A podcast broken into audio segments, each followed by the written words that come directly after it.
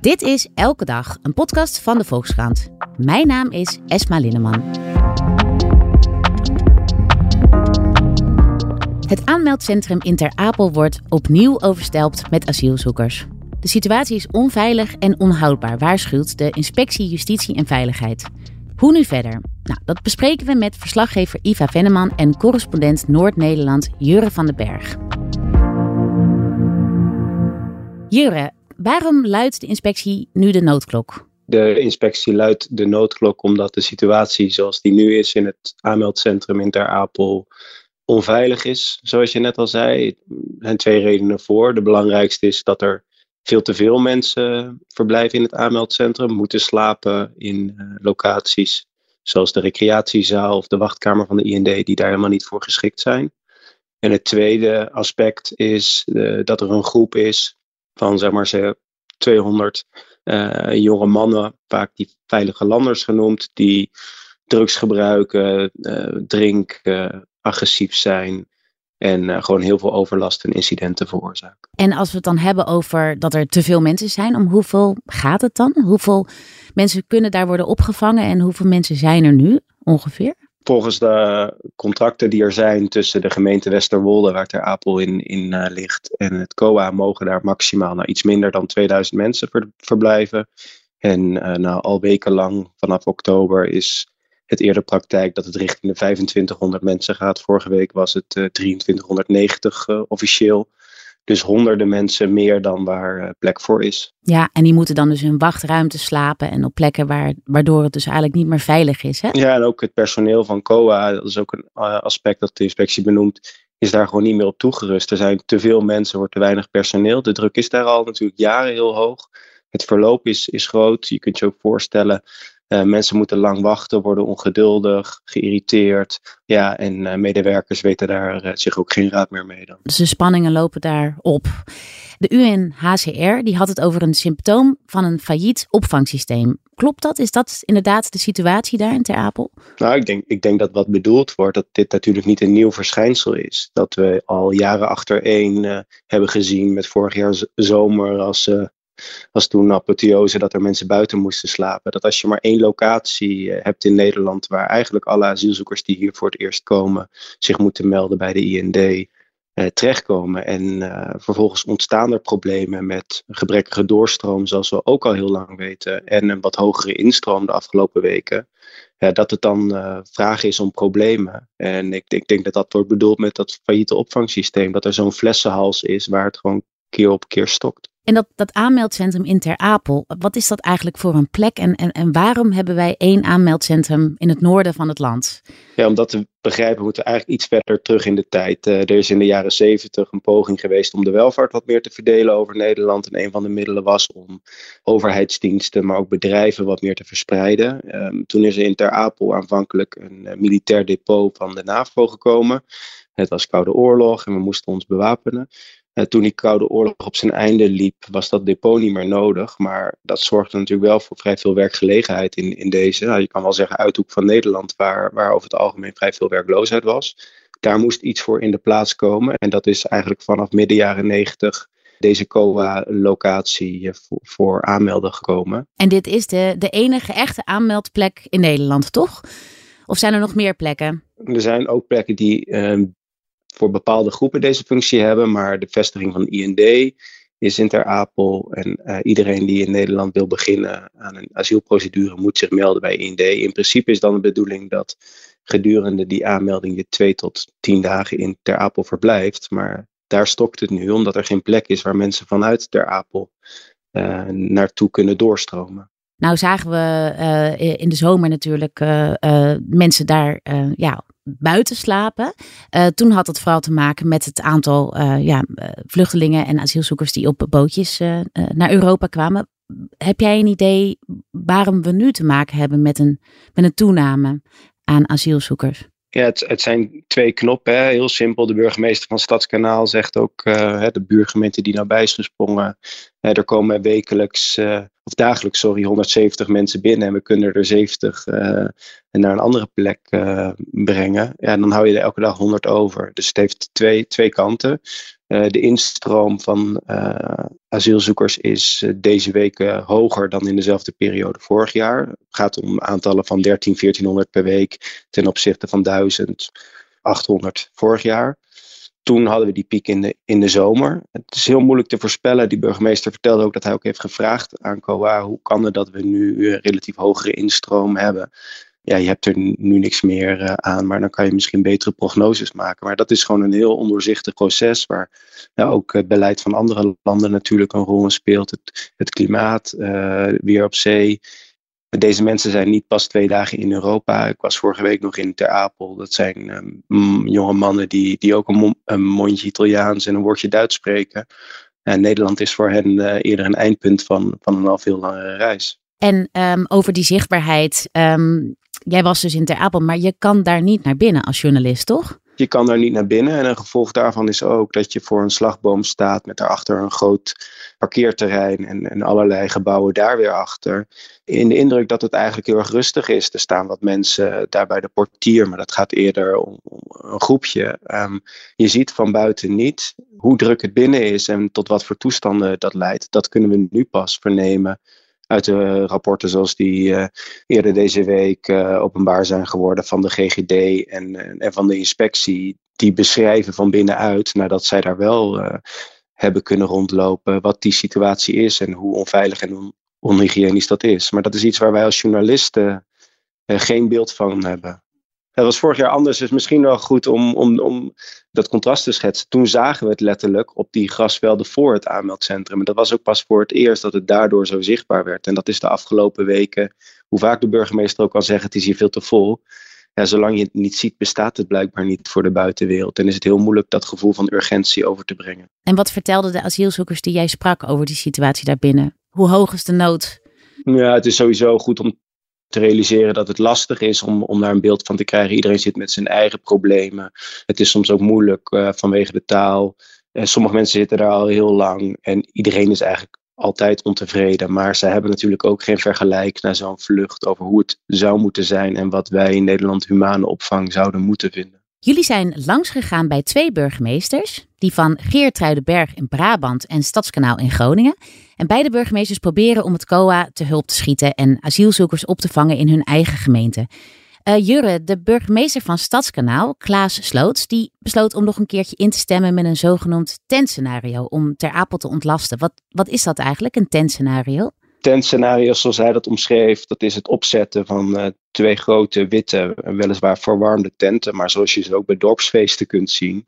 En uh, de tragiek zou je wel kunnen zeggen, is dat die tenten daar op het sportterrein ook vorig jaar in de zomer stonden. Dus toen is ook al besloten, oorspronkelijk waren die tenten overigens bedoeld voor de opvang van Oekraïners. Maar ook toen heeft Stadskanaal bijgesprongen. Stadskanaal is een buurgemeente van Westerwolde. De burgemeester van Stadskanaal overlegt veel met zijn collega Jaap Velema. En hij voelt zich natuurlijk ontzettend mede verantwoordelijk. Maar hij komt ook voor een dilemma te staan, omdat zeker bij de Groningse gemeente het gevoel is: wij hebben al zo vaak uh, onze nek uitgestoken, wij zijn al zo vaak overgegaan tot actie. Maar als wij het doen, denken andere gemeenten in de rest van Nederland misschien weer: het is wel weer geregeld en we laten het probleem maar daar ver weg in, in Oost-Groningen. Ja, want wat jij beschrijft in jouw stuk is dat het toch vooral gemeenten in Groningen zijn die ter Apel ja, hulp bieden, toch? Ja, daar hebben we um, ook vorig jaar al voorbeelden van gezien met een tijdelijke grote uh, noodopvanglocatie in Zoutkamp, gemeente het Hoge Land. Een uh, groot congrescentrum in uh, Zuidbroek, gemeente Midden-Groningen. Ja, zij voelen zich natuurlijk solidair met een, met een gemeente die, die problemen heeft. maar het is wel elke keer weer een dilemma. vorig jaar is een goed voorbeeld. Zij hebben toen besloten samen op te trekken, een voorstel te doen aan, aan Rijk en wij kunnen met elkaar zoveel opvangplaatsen organiseren. Om dit, ja, wat, hoe moet je het noemen, dit geïmproviseer, dit getouwtrek voor te zijn. Maar uiteindelijk moet je concluderen dat de provincie Groningen de enige is waar gemeenten uh, zo samen opgetrokken hebben en zo'n voorstel hebben gedaan. En daar zit gewoon heel veel frustratie en, en ja, ook steeds dat dilemma van moeten we dan toch maar weer doen. En de burgemeester in Stadskanaal zegt dan toch, wij moeten ook onze eigen humane standaards bewaken en kijken wat we zelf kunnen doen. Maar we doen ook duidelijk een appel op andere gemeenten dat te volgen. En over die standaarden, hè, dat, dat, dat tentscenario, is dat, is dat wel humaan? Is dat voldoende om, om, geeft dat de juiste zorg? aan deze groep mensen? Nou, het is in ieder geval, kijk, dat zegt hij zelf natuurlijk ook eerlijk. Dit is verre van ideaal. Hij was al blij dat er nu bedden met matrassen waren. Vorig jaar waren het veldbedjes. Maar ja, vergeet niet, toen, maar, toen was het midden in de zomer en nu smelt de sneeuw daar nog weg. Is het, is het blubber. En ja, niemand zal ooit beweren dat, dat dit een niveau van opvang is uh, waar we in Nederland voor staan. Maar hij zegt, ja, dit is wat ik nu kan doen. We hadden die tent, we hebben die locatie, we hebben ja, opnieuw tragisch genoeg de ervaring van vorig jaar over hoe je dat dan zo snel mogelijk opbouwt. Maar dit toont natuurlijk wel uh, de urgentie aan dat je mensen in, in tenten moet laten slapen. Ja, ik ga even naar, uh, naar, naar Iva, want jij bent uh, in Geertruidenberg in Noord-Brabant geweest. Of daar heb jij gesproken met de burgemeester. Want daar werd de dag na de verkiezingen juist een locatie voor een tijdelijk AZC afgekeurd. Wat gebeurde daar? Ja, dat is wel interessant, want uh, kijk, wat er nu in Ter Apel gebeurt, ja, dat gebeurt natuurlijk eigenlijk al twee jaar. Er wordt mm -hmm. al mhm. twee jaar gevraagd van jongens, kom nou op in de rest van het land. Um, doe ook iets, draag je steentje bij. En de gemeente Geertruidenberg, of in ieder geval het college uh, van de gemeente Geertruidenberg, die had die oproep ook gehoord, vorig jaar januari eigenlijk al. En had gedacht van god, wij moeten eigenlijk ook wat doen. Wij willen eigenlijk ook wel wat doen. En die hadden notabene zelf een best wel goede locatie gevonden waarvan ze dachten, nou, als we dan toch iets moeten doen, dan is dit wel een goede plek. En dat was een, een oud recreatiepark, wat een beetje met wat staalcaravans. Dus op zich uh, ja, kun je daar mensen opvangen. Dat was van de gemeente zelf, stond nu al jaren leeg. Uh, wordt gekraakt op dit moment. Dus uh, nou ja, ook om daar iets aan te doen. Ja, dachten dus ze van, nou, Berg had zelf het initiatief ja, genomen van... Die had zelf het COA eigenlijk gebeld, gebeld en gezegd... Ja. jongens, uh, wij willen best wel met jullie praten over deze locatie. En die gesprekken liepen vanaf januari. Er zou een plek worden voor 100 tot 200 mensen voor uh, vijf jaar. Kleinschalige opvang. Kleinschalig, ja. ja. voor COA-begrippen best kleinschalig inderdaad. En die gesprekken liepen, de bewoners waren op de hoogte, de raad was op de hoogte. En dat zou uh, in deze dagen zou een definitief besluit worden genomen. En toen ja, kwamen de Tweede Kamerverkiezingen. En toen een dag na de Tweede Kamerverkiezingen had de gemeente Geertruidenberg een gemeenteraadsvergadering waar plots een motie werd ingediend. En die motie zei, uh, wij zijn tegen deze locatie als AZC-locatie. Ja. En ja, toen uh, ja, heeft de gemeente Geertruidenberg, uiteindelijk het college, heeft uh, nou ja, de afgelopen dinsdag gezegd, ja weet je, als die motie er ligt, ja, dan kunnen we gewoon niet verder gaan. Dan, uh, dan de stekker er maar uit. Want even over die verkiezingen. Hoe, hoe zijn die uitgepakt in Geertruidenberg? Wat heeft de PVV daar gedaan? Ja, ik, uh, de, de, de burgemeester zei 37% of nee, 32% van de, van de bewoners heeft hier op de PVV gestemd. Dus ja. even omgerekend naar zetels zou dat uh, 50 kamerzetels ongeveer zijn. Ja. Dus ja, dit, dit is wel... En heb je het idee dat de gemeenteraad daar gehoor aan heeft gegeven? Heeft deze verkiezingsuitslag dus invloed gehad op deze, nou ja, tot, dus tot standkoming van deze motie, denk jij? Ja, dat is wel echt ja. wel. Kijk, die locatie lag al wel onder vuur hoor. Er waren wel mensen die daar gewoon tegen waren. Dus dat, dat speelde al wel. Maar die verkiezingen, ja, die heeft daar wel een zeker een rol in gespeeld. Want in die motie kun je notabene zelfs lezen. Um, er staat daarin van ja, uh, gezien de verkiezingsuitslag van gisteren. Is dat wederom een signaal van onze bewoners dat ze dit niet willen? Ja. Uh, dit zijn even, die, uiteindelijk is die zin er, er uitgehaald hoor. Maar dat stond erin. Dus dat laat maar zien dat die verkiezingsuitslag eigenlijk gewoon is aangegrepen als weer een extra munitie. Om te zeggen van zie je wel, onze bewoners willen dit helemaal niet. Dus, dus wij moeten hiervoor gaan liggen. Ja, ja ze hadden ja. notabene nog een bewonersavond gepland. Maar ze dachten, nou ja, de bewoners hebben nu toch gesproken. Ze zitten hier helemaal niet op te wachten. En jij beschrijft in jouw stuk dat die gemeenteraad ook uit veel lokale partijen bestaat. Denk je dat dat nog een rol heeft gespeeld? Ja, dat ze dat niet die verantwoordelijkheid voelen vanuit Den Haag? Ja, dat is lastig te zeggen. Maar het klopt wel dat uh, de, die gemeenteraad heeft 18 uh, raadsleden. Waarvan uh, slechts vier van een landelijke partij zijn. Dus ja, ik, ik kan dat niet helemaal inschatten. Maar dat, ja, dan heb je toch een andere verantwoordelijkheid. Uh, en heb je toch misschien ook een beetje zoiets van: ja, wij moeten voor onze eigen bewoners zorgen. En minder de neiging om het grotere plaatje. Uh, dat zou kunnen. Dat, uh... Ja. En de burgemeester, Marian Witte, die, die was dus eigenlijk voor de komst. Kan zij nog om de bewoners heen bij zo'n beslissing? Hoe, hoe werkt dat? Ja, kijk, om, om bewoners. Je hebt altijd bij dit soort locaties. Een ATC roept gewoon weerstand op. Dus ja. dat, dat, ja, je zult altijd om een aantal uh, kritische bewoners heen moeten, denk ik. Als in dit geval ging het geloof ik om twee uh, bewoners die in de buurt woonden, toch? Ja, Van... dit was een locatie die lag uh, midden in de polder. Dus een, best wel echt wel in een buitengebied. ongeveer zes kilometer vanaf het dichtstbijzijnde iets grotere dorp Raamsdokkerveen. Ja. Er stond één huis precies naast, daar wonen twee mensen. Nou ja, voor hen zou dat natuurlijk ingrijpend zijn geweest. Maar eigenlijk voor de rest woonde er ja, bijna niemand echt direct omheen. Nee. Maar goed, je hebt altijd dus een beetje weerstand om antwoord te geven op jouw vraag. Maar wat er hier gebeurde, was niet een beetje weerstand van bewoners, maar een, een, een weerstand van bijna alle raadsleden. En ja. ja. kijk, daar kun je als burgemeester niet zomaar omheen. Want dan zegt de raad vervolgens: hey, ho eens even, dan uh, sturen we jou gewoon weg. Ja. Dan, ja. Uh, en dan heb je helemaal niks meer. Nou, uh, is een, een, was een mogelijke oplossing voor dit probleem eigenlijk, dit vastlopen van deze hele keten. Dat dat was de, de zogenoemde spreidingswet, die uh, ja, met veel moeite door de Tweede Kamer is gekomen. Jure, hoe, hoe, hoe ziet die spreidingswet eruit en hoe zou dat de noordelijke gemeente bijvoorbeeld kunnen ontlasten? De essentie van de spreidingswet is dat die het probleem zou kunnen oplossen dat, dat het ministerie en COA nu hebben, namelijk dat ze gemeenten niet kunnen verplichten een bijdrage te leveren naar rato van het aantal inwoners uh, in de opvang van uh, asielzoekers. Uh, dat, dat is ook waar burgemeesters erg gefrustreerd over zijn. Ze kunnen COA ook niks verwijten, zeggen ze, want die heeft geen gereedschap om iets af te dwingen. Uh, dat is de essentie van, van die wet uh, die in de volksmond spreidingswet is gaan heten. Uh, bij rechtse partijen dwangwet, hè, want er zit een element in van afdwingbaarheid. Um, die zou eigenlijk al in januari van dit jaar in werking treden, was de eerste belofte. Nou, er is heel veel politiek gedoe over en het is technisch ook best ingewikkeld. Feit is dat die wet vorige maand door de oude Tweede Kamer is aangenomen. De nieuwe Tweede Kamer heeft na motie van Annabel Nanninga van jaar 21 geprobeerd hem alweer in te trekken eerder deze week. Dat is niet gelukt. Meer om procedurele reden van ja, dat is gewoon niet netjes. Maar die wet die moet nog naar de Eerste Kamer. Zou in principe voor het kerstreces zijn, maar er zijn nu weer zoveel schriftelijke vragen door onder andere de PVV-fractie gesteld. Uh, waardoor uh, nog een keer uitstel dreigt naar het nieuwe jaar.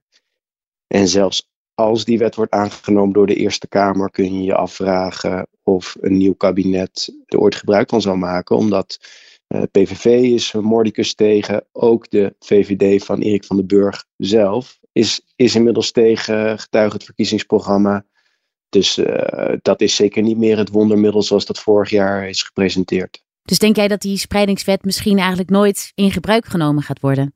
Nou, die kans is wel reëel. Dat hangt natuurlijk ook af van de formatie waar dit vast ook in besproken zal gaan worden. Maar zonder die spreidingswet uh, hou je situaties zoals die deze week weer is ontstaan, waarin je afhankelijk bent van vrijwilligheid. En, en zeker ook zoals Ivan net beschreef, ja, gemeenten toch terughoudend zijn. En, uh, er zijn uh, locaties beschikbaar, maar die worden niet vrijgegeven door gemeenten. En daar zal zeker de stemming uh, en, en de verkiezingsuitslag uh, een rol bij spelen. En nu moet Erik van den Burg weer uh, zeggen van andere gemeenten kom op. Maar dat horen we hem nu al twee jaar zeggen. En dat heeft tot nu toe gewoon veel te weinig opgeleverd. En zeker op momenten dan als de instroom even wat hoger is. En de uitstroom uh, van statushouders, dat is een belangrijk uh, aspect in de vergelijking ook. In de asielopvang in Nederland zitten vrij veel mensen, 10.000 ongeveer, die, die eigenlijk daar niet meer horen. Die uh, zouden moeten doorstromen naar een, naar een woning, vaak ook al gekoppeld zijn aan een gemeente. Maar door het tekort aan woningen stokt ook dat proces, waardoor er in de reguliere AZC's, daar zijn ongeveer 30.000 plekken voor in Nederland, te veel mensen zitten die daar eigenlijk ook niet meer horen. Dus het haakt ook in op dat, dat, nou ja, dat probleem in de woningmarkt en de gevoeligheid daar van die voorrangsregels zoals ze er soms zijn. Ja, dat vinden gemeenten ook uh, ongemakkelijk. Dus het hele systeem stokt eigenlijk op alle punten, hè? Ja, en dat komt allemaal samen dan in Ter Apel en in, in uh, abstracte rapporten over uh, gevaarlijke en onhygiënische toestanden. maar dat is uiteindelijk wel, wel het gevolg. Nou zei de Groningse commissaris van de Koning, René Paas, gisteren uh, in, in Nieuwsuur, dat de provincie Groningen er zelfs over heeft gedacht om Ter Apel te sluiten. Of om in ieder geval hele ruige maatregelen te treffen om dit probleem uh, op te lossen. Wat verwacht jij? Gaat dat misschien gebeuren? Dan kom je terug bij dat duivelse dilemma uh, van, van de burgemeesters. Dit is uh, al een langlopend probleem. Er is in de zomer al een uh, mediation traject geweest tussen de gemeente Westerwolde en COA. Omdat ze zeggen, ja, jullie houden je niet aan dat contract waar die maxi het maximum van 2000 in wordt genoemd. En dan wordt hier ook wel mee geschermd. Maar wat moet je dan? Kun je dan 2000 mensen, 2500 mensen daar loslaten? Er zijn al zoveel problemen in het dorp door die, door die groep uh, overlastveroorzakers. Ik denk niet dat dat een reëel, scenario is. En dat laat ook zien hoe, hoe machteloos in de eerste plaats de gemeente Westerwolde, maar ook de gemeente daaromheen zich voelen. Ze willen heel graag een statement maken, uh, maar ze willen ook niet door een morele ondergrens zakken. En dat, uh, daarin zitten ze zelf ontzettend klem. Dit probleem wordt waarschijnlijk de komende maanden alleen nog maar groter en zichtbaarder.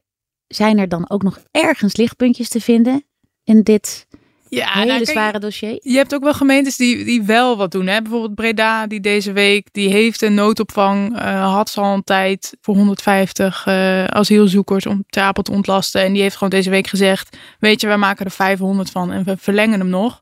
Dat is bijvoorbeeld een lichtpuntje. Dat soort gemeentes, daar moet je het van hebben.